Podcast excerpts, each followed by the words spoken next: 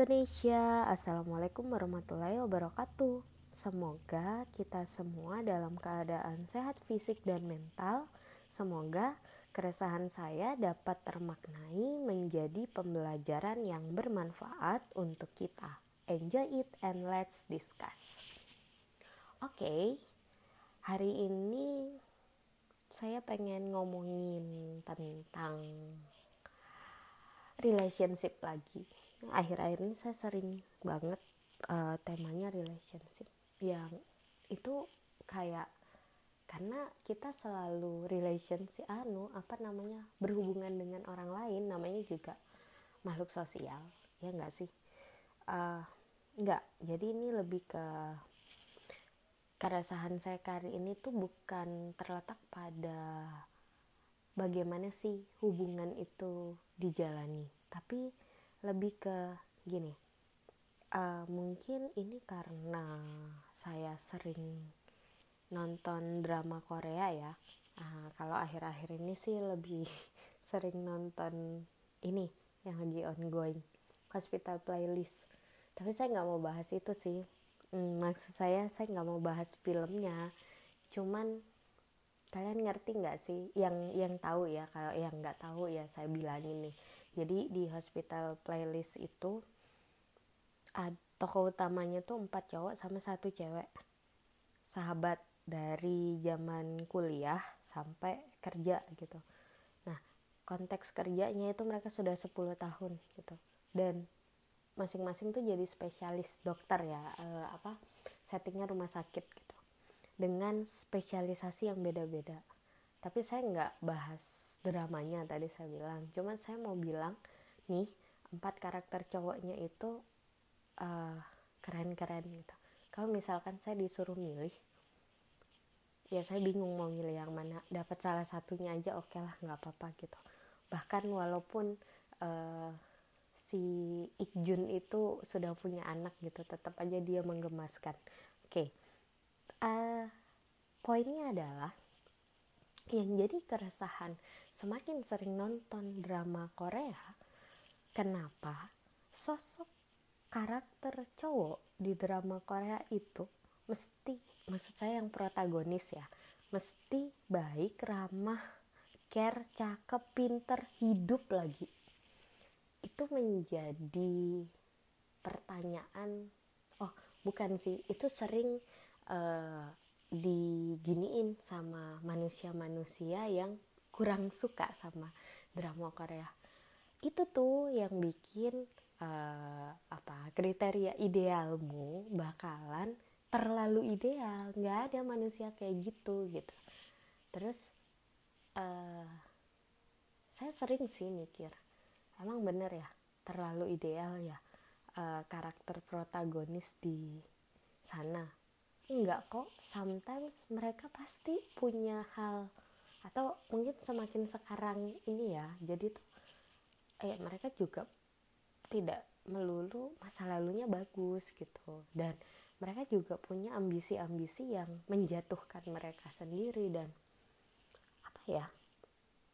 Hmm, mungkin karena saya menemui beberapa sosok di dunia nyata yang gak 100% sama sih tapi hampir mirip atau uh, ya dalam karakter yang berbeda karena memang film series gitu itu kan ya berangkat dari kehidupan sehari-hari yang diterjemahkan agak uh, ini sih memang agak imajinatif sih maksudnya uh, sesuai dengan penulisnya tapi tetap konteks risetnya kan juga kehidupan sehari-hari gitu jadi ya sah-sah aja sih dengan karakter begitu. Maksud saya uh, kita memang tahu nggak ada orang yang benar-benar apa ya kayak jackpot banget kan.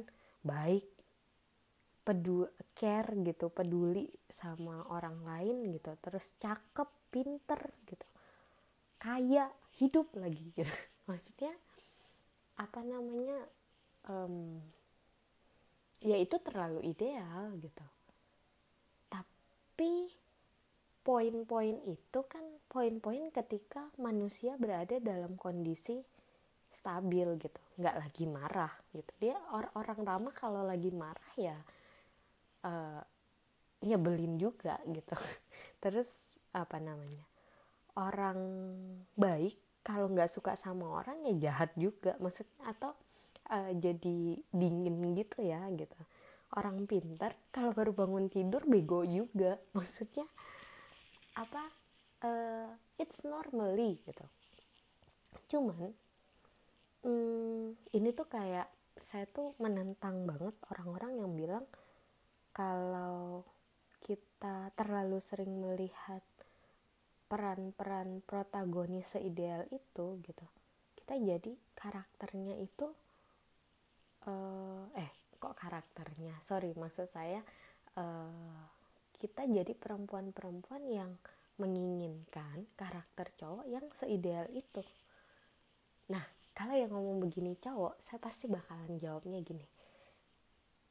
Uh, berarti kalian mengakui kalau karakter itu perfect maka apa namanya kalau kalian mengakui karakter itu perfect dan kalian nggak bisa kayak gitu. Artinya kalian aja yang nggak mau.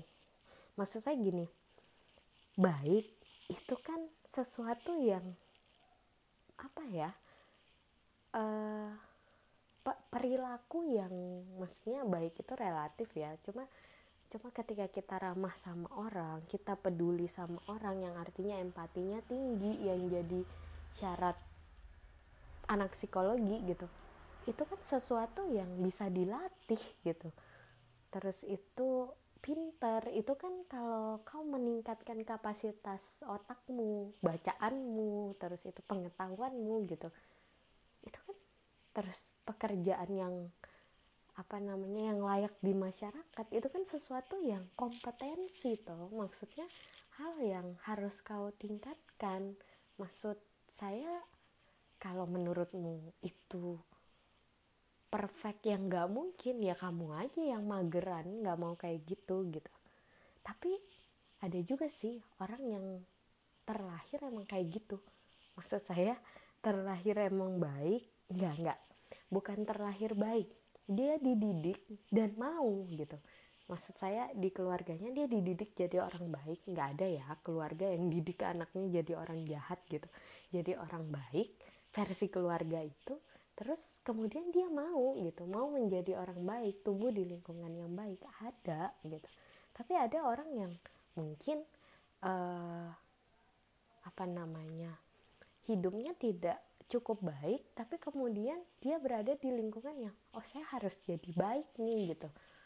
Akhirnya dia me, apa ya dia merubah dirinya menjadi lebih baik gitu. Itu sama kayak uh, tidak semua orang terbiasa untuk nih cakep.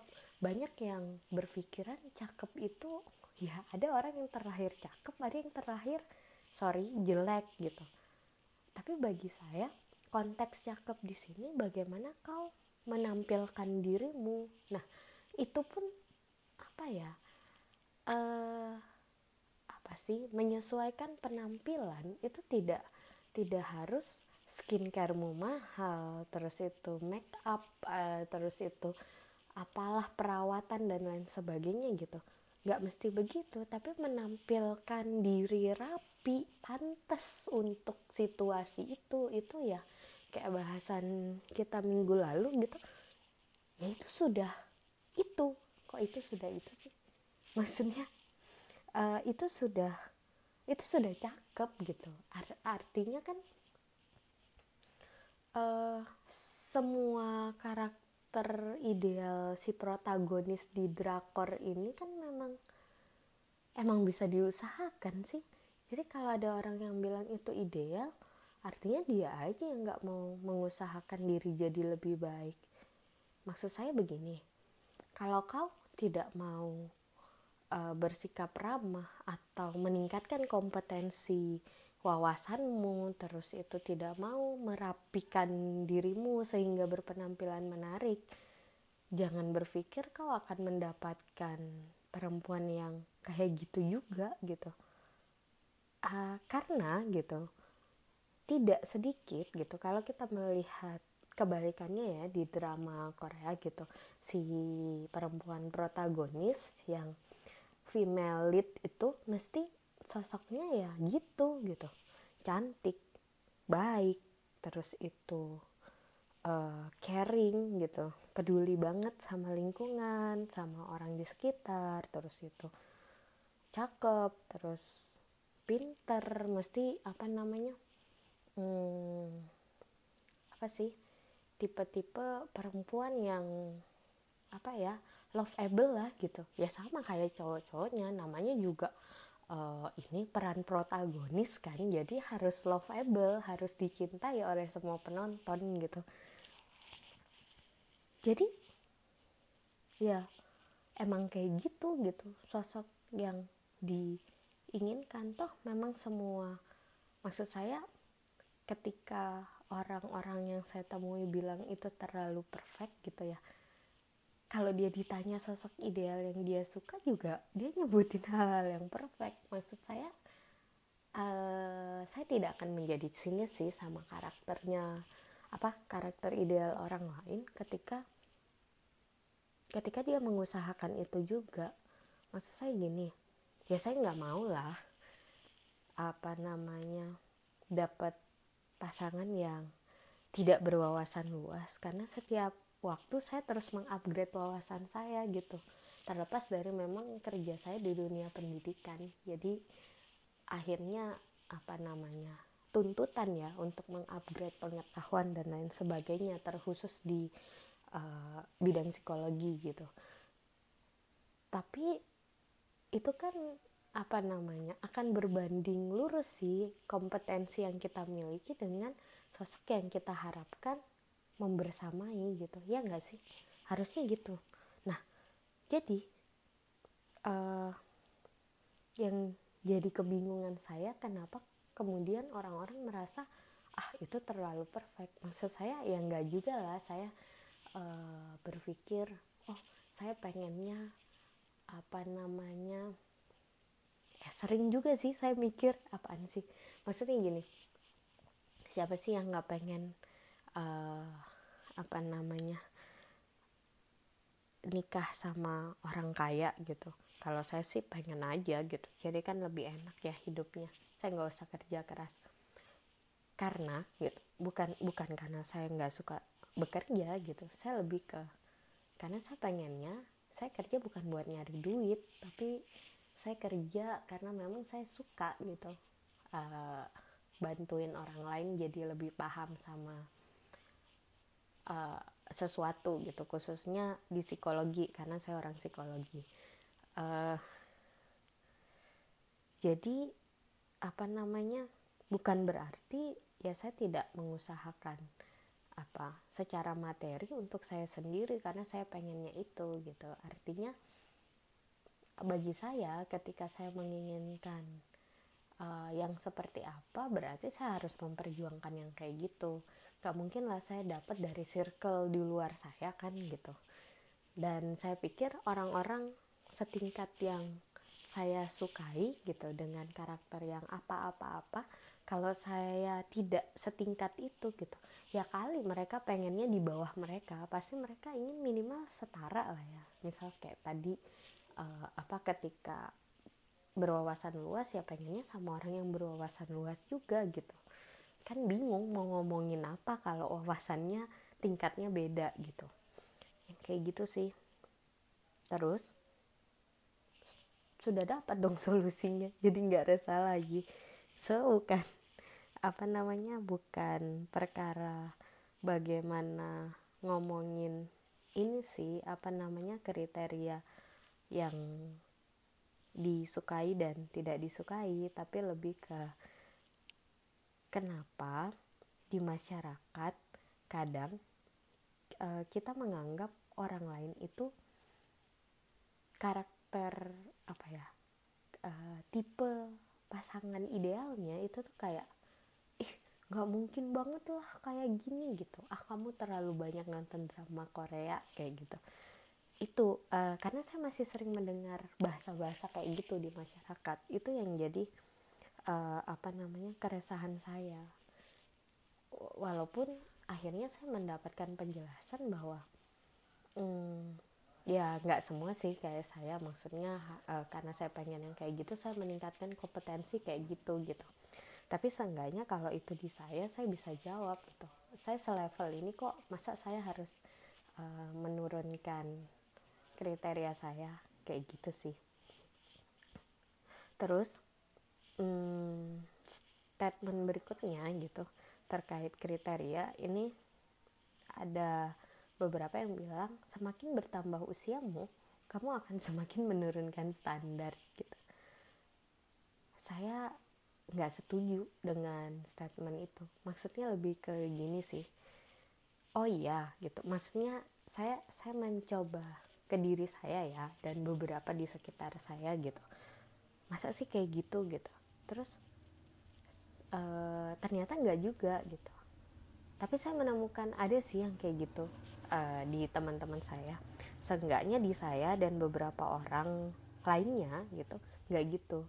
Artinya gini hmm, ya tadi yang saya bilang masa sih kalau kita sudah punya wawasan seluas itu terus kita mau aja sama yang wawasannya sesederhana itu gitu? Atau lebih ke gini sih kalau di hubungan interpersonal itu di apa namanya uh, salah satu pembahasan di psikologi sosial kan ada tuh tentang hubungan interpersonal. Seseorang akan uh, menjadi apa tertarik untuk berinteraksi dengan orang lain ketika ada similarity sama proximity salah duanya. Jadi sebenarnya ada uh, banyak hal lainnya termasuk um, kriteria apa ketertarikan fisik dan lain sebagainya gitu. Tapi uh, saya cuma mau bahas dua sih di sini. Similarity sama proximity. Kalau similarity ini kan kesamaan artinya. Jadi kita bakalan uh, apa namanya tertarik atau punya kriteria itu ya yang mirip sama kita gitu. Kita punya kesamaan. Semakin banyak samanya semakin banyak hal yang ingin kita bahas gitu. Walaupun ada beberapa orang bilang e, ya pasangan itu harusnya beda biar saling melengkapi. Ya ini dalam dalam hal mungkin uh, lebih ke ini ya hal perilaku sederhana gitu. Kan jadi kerjasama yang baik tuh kalau uh, apa namanya si misalkan ya yang cowoknya itu apa namanya pendiam terus yang ceweknya rame. Karena kalau dua-duanya sama-sama rame nanti yang dengerin siapa gitu. Jadinya nggak kerja sama. Uh, cuma apa namanya mungkin mungkin itu benar gitu hanya saja kita jadi tertarik sama seseorang ini kata teori sih yang kalau saya dalam kehidupan sehari-hari lebih ngerasa benar gitu. Uh, kalau orang nggak sama-sama kita gitu atau kita tidak merasa punya kesamaan itu tuh mau ngomongin apa gitu. Maksudnya di sini similarity ini kan kesamaan bukan berarti sama identik gitu kan enggak. Tapi punya kesamaan hal yang sama-sama kita tertarik gitu. Misal hobi gitu atau uh, apa namanya kolektor barang antik gitu sama-sama uh, apa namanya mengoleksi barang-barang antik atau misalkan sama-sama senang baca buku gitu. Nah kalau kalau ini sih saya sering mengawali kedekatan sama kedekatan sama seseorang itu karena uh, sering sharing-sharing tentang buku ya. Buku film seringnya buku sih tukar-tukaran buku saya juga nggak tahu kenapa. Mesti ceritanya gitu tapi bukan itu poinnya. Poinnya adalah di kesamaan. Apa pun itu sama-sama di musik sama-sama di olahraga mungkin dan lain sebagainya gitu. Yang kedua proximity kedekat eh ya kedekatan. Kedekatan. Nah gitu. Maksudnya kedekatan ini uh, dekat secara physically dan mental. Uh, gimana tuh? Physically-nya itu simpelnya gini. Tinggal di kota yang sama gitu. Kan apa namanya beberapa penelitian ini saya nggak ngomong anu ya apa namanya kata orang ya. Saya ngomong beberapa penelitian memang bilang terutama bagi apa namanya beberapa uh, orang-orang dengan bahasa cinta quality time dan physical touch itu lebih apa namanya lebih suka gitu yang satu kota bukan LDR kayak gitu. Maksudnya uh, proximity kedekatan baik secara geografis maupun secara emosional secara psikis gitu. Jadi uh, ada kan yang tinggal satu kota gitu tapi hatinya jauh. Aduh bahasanya apa sih? Ya kira-kira gitu. Nah yang dimaksud proximity ini adalah yaitu uh, ketika kita berada di lingkungan yang sama terus kita sering ketemu sering bareng gitu kan. Akhirnya kita menemukan beberapa. Karena sebenarnya manusia ini hmm, sama sama-sama manusia. Maksudnya sejauh apa pun kita pergi sejauh apa pun bedanya ada aja nanti kita nemu samanya antara orang yang satu dengan yang lain gitu. Ya namanya manusia. Nggak ada yang identik gitu pasti beda-beda tapi pasti menemukan benang merah gitu kesamaan. Nah e, ketika kedekatan ini dijalin itu bakalan sejalan dengan similarity atau kesamaan. Kita akan nemu tuh samanya di mana gitu. Uh, jadi balik lagi ke kriteria tadi ini ya sebenarnya selain karena kita mungkin melihat di lingkungan kita oh yang namanya uh, apa idealnya laki-laki untuk dicintai kayak apa atau idealnya perempuan untuk dicintai kayak apa ada tadi gitu ada syarat bukan bukan syarat ada bentuk uh, ketertarikan interpersonal ya si similarity sama proximity ini gitu.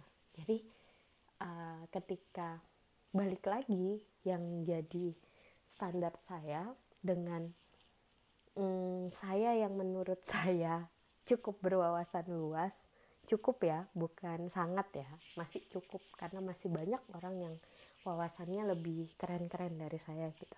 Saya cukup berwawasan luas harapan saya gitu. Saya uh, bukan harapan sih saya cenderung lebih senang uh, berinteraksi dengan orang-orang yang juga wawasannya luas atau minimal. Karena saya suka baca random sih saya bacaannya nggak seru banget ya. Saya suka baca saya suka nonton gitu. Jadi saya bakalan lebih cepet akrab sama orang-orang yang juga suka baca dan suka nonton gitu. Nah walaupun saya suka nonton tapi saya nggak suka nonton bola maksudnya saya tidak terlalu paham ya tentang bola. Jadi kalau saya ngobrol sama orang yang suka bola saya nggak ngerti gitu.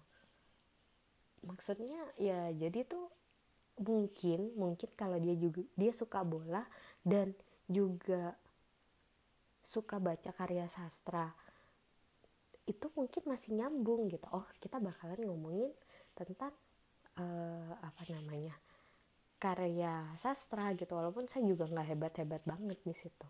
Nah uh, jadi balik lagi ke yang tadi sebenarnya bukan ke standar ideal kita tapi lebih ke ketertarikan kita karena ada si similarity sama proximity tadi itu. Itu sih yang setelah saya pikir-pikir lagi oh ya ternyata bukan di apa namanya bagaimana kita terbentuk atau menginternalisasi sosok ideal tapi lebih ke kemudian saat berinteraksi di tengah masyarakat gitu kita akan tertarik sama mereka yang similarity dan proximity. Jadi mungkin kenapa misalkan saya senang banget gitu uh, sama cowok cakep gitu ya saya merasa cantik soalnya. Kira-kira begitu sih. Maksud saya uh, tapi ternyata ada loh orang-orang yang uh, standar idealnya gitu kriteria idealnya itu tuh melampaui kompetensinya dia. Maksud saya gini saya juga uh, ketemu beberapa orang yang aku tuh pengennya uh, cowok kaya mapan pinter gitu. Tapi kemudian ramah gitu. Nah tapi kemudian dia tidak mengusahakan dirinya untuk ke situ. Maksudnya uh, dia tidak mengupgrade kompetensinya gitu. Ya kamu nggak bakalan dapat sih sampai kapan pun. Maksud saya begini uh, kita ke konteks kan tadi ya pinter gitu. Pinter ini kan hmm, saya nggak ngomongin IQ tapi saya ngomongin wawasan tadi ya. Tingkat uh, literasi mungkin gitu. Ya kalau kamu senang dengerin cowok yang wawasannya luas ngomong gitu ya kamu juga harus berwawasan luas kan.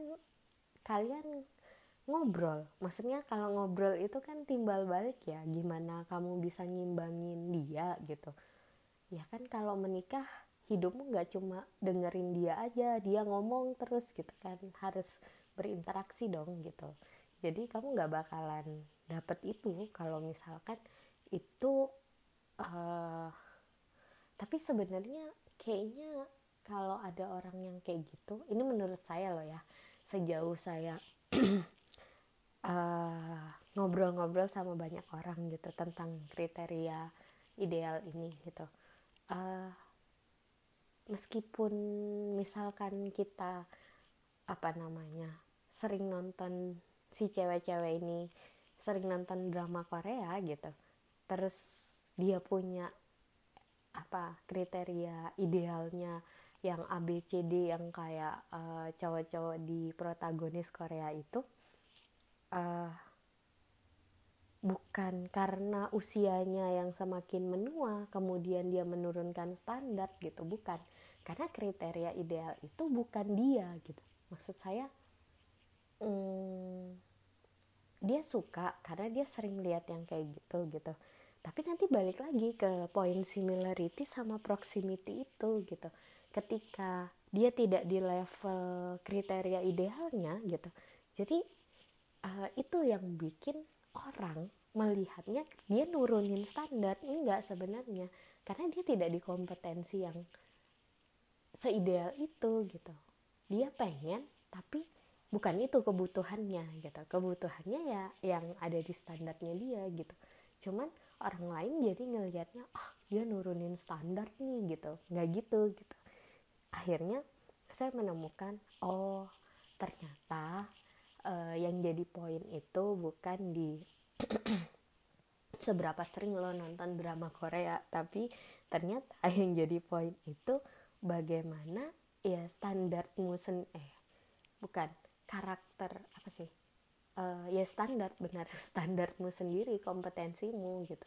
Maka itu akan menjadi magnetmu untuk si similarity sama proximity ini gitu ya magnet itu karena nanti yang deket sama kamu ya uh, seperti kompetensimu saat itu. Kalau kamu mengupgrade level gitu kamu akan sangat tidak nyaman ketika uh, berinteraksi sama orang-orang atau berdekatan sama orang-orang yang uh, kompetensinya di bawahmu atau di atasmu gitu. Ya kamu pasti nanti akan apa ya istilahnya sefrekuensi gitu sama orang-orang yang selevel sama kamu. Selevel ini dalam artian uh, bukan apa ya saya sering mengibaratkan kompetensi itu kayak tangga gitu. Sometimes kita melangkah naik gitu tapi bisa aja kita turun. Ya itu kan mau-maumu aja gimana dan kamu pasti akan menjadi dekat atau sefrekuensi ya sama orang-orang di levelmu itu di apa namanya tingkatanmu itu gitu. Nah kalau kamu naik gitu tapi kamu naiknya sendiri nggak barengan sama pasanganmu misalkan ya kamu nggak bakalan jadi dekat lagi dan nggak similar lagi kan? Maksudnya mungkin itu ya yang bikin orang-orang putus. Karena yang satu naik tangga yang satu diem di tempat atau yang satu turun tangga malah. Kayak gitu sih itu nah jadi sebenarnya kalau kita balik lagi ngomongin kriteria ido eh kriteria ido is apa sih? Kriteria ideal gitu. Terus kita ngomong tentang apa uh, kompetensi diri atau bagaimana kita berada di tangga yang mana ya itu sebenarnya balik lagi ke kita sih. Kalau lo orangnya mageran ya udah di situ-situ aja gitu. Jadi jangan pernah uh, berpikir bakalan ketemu tuh sama yang misal ternyata kriteria yang kamu pengen itu di atasmu gitu. Orang temanmu di situ-situ aja. Nah kira-kira kayak gitu. Jadi memang hmm, kognisi dan afeksi keduanya berbeda. Tapi itu berada di sistem otak manusia, sama-sama ada di sistem otak manusia. Mau itu cara berpikir, mau itu cara merasa. Nah, kelolalah dengan bijak agar logika mendengarkan nurani dan emosi direspon rasional.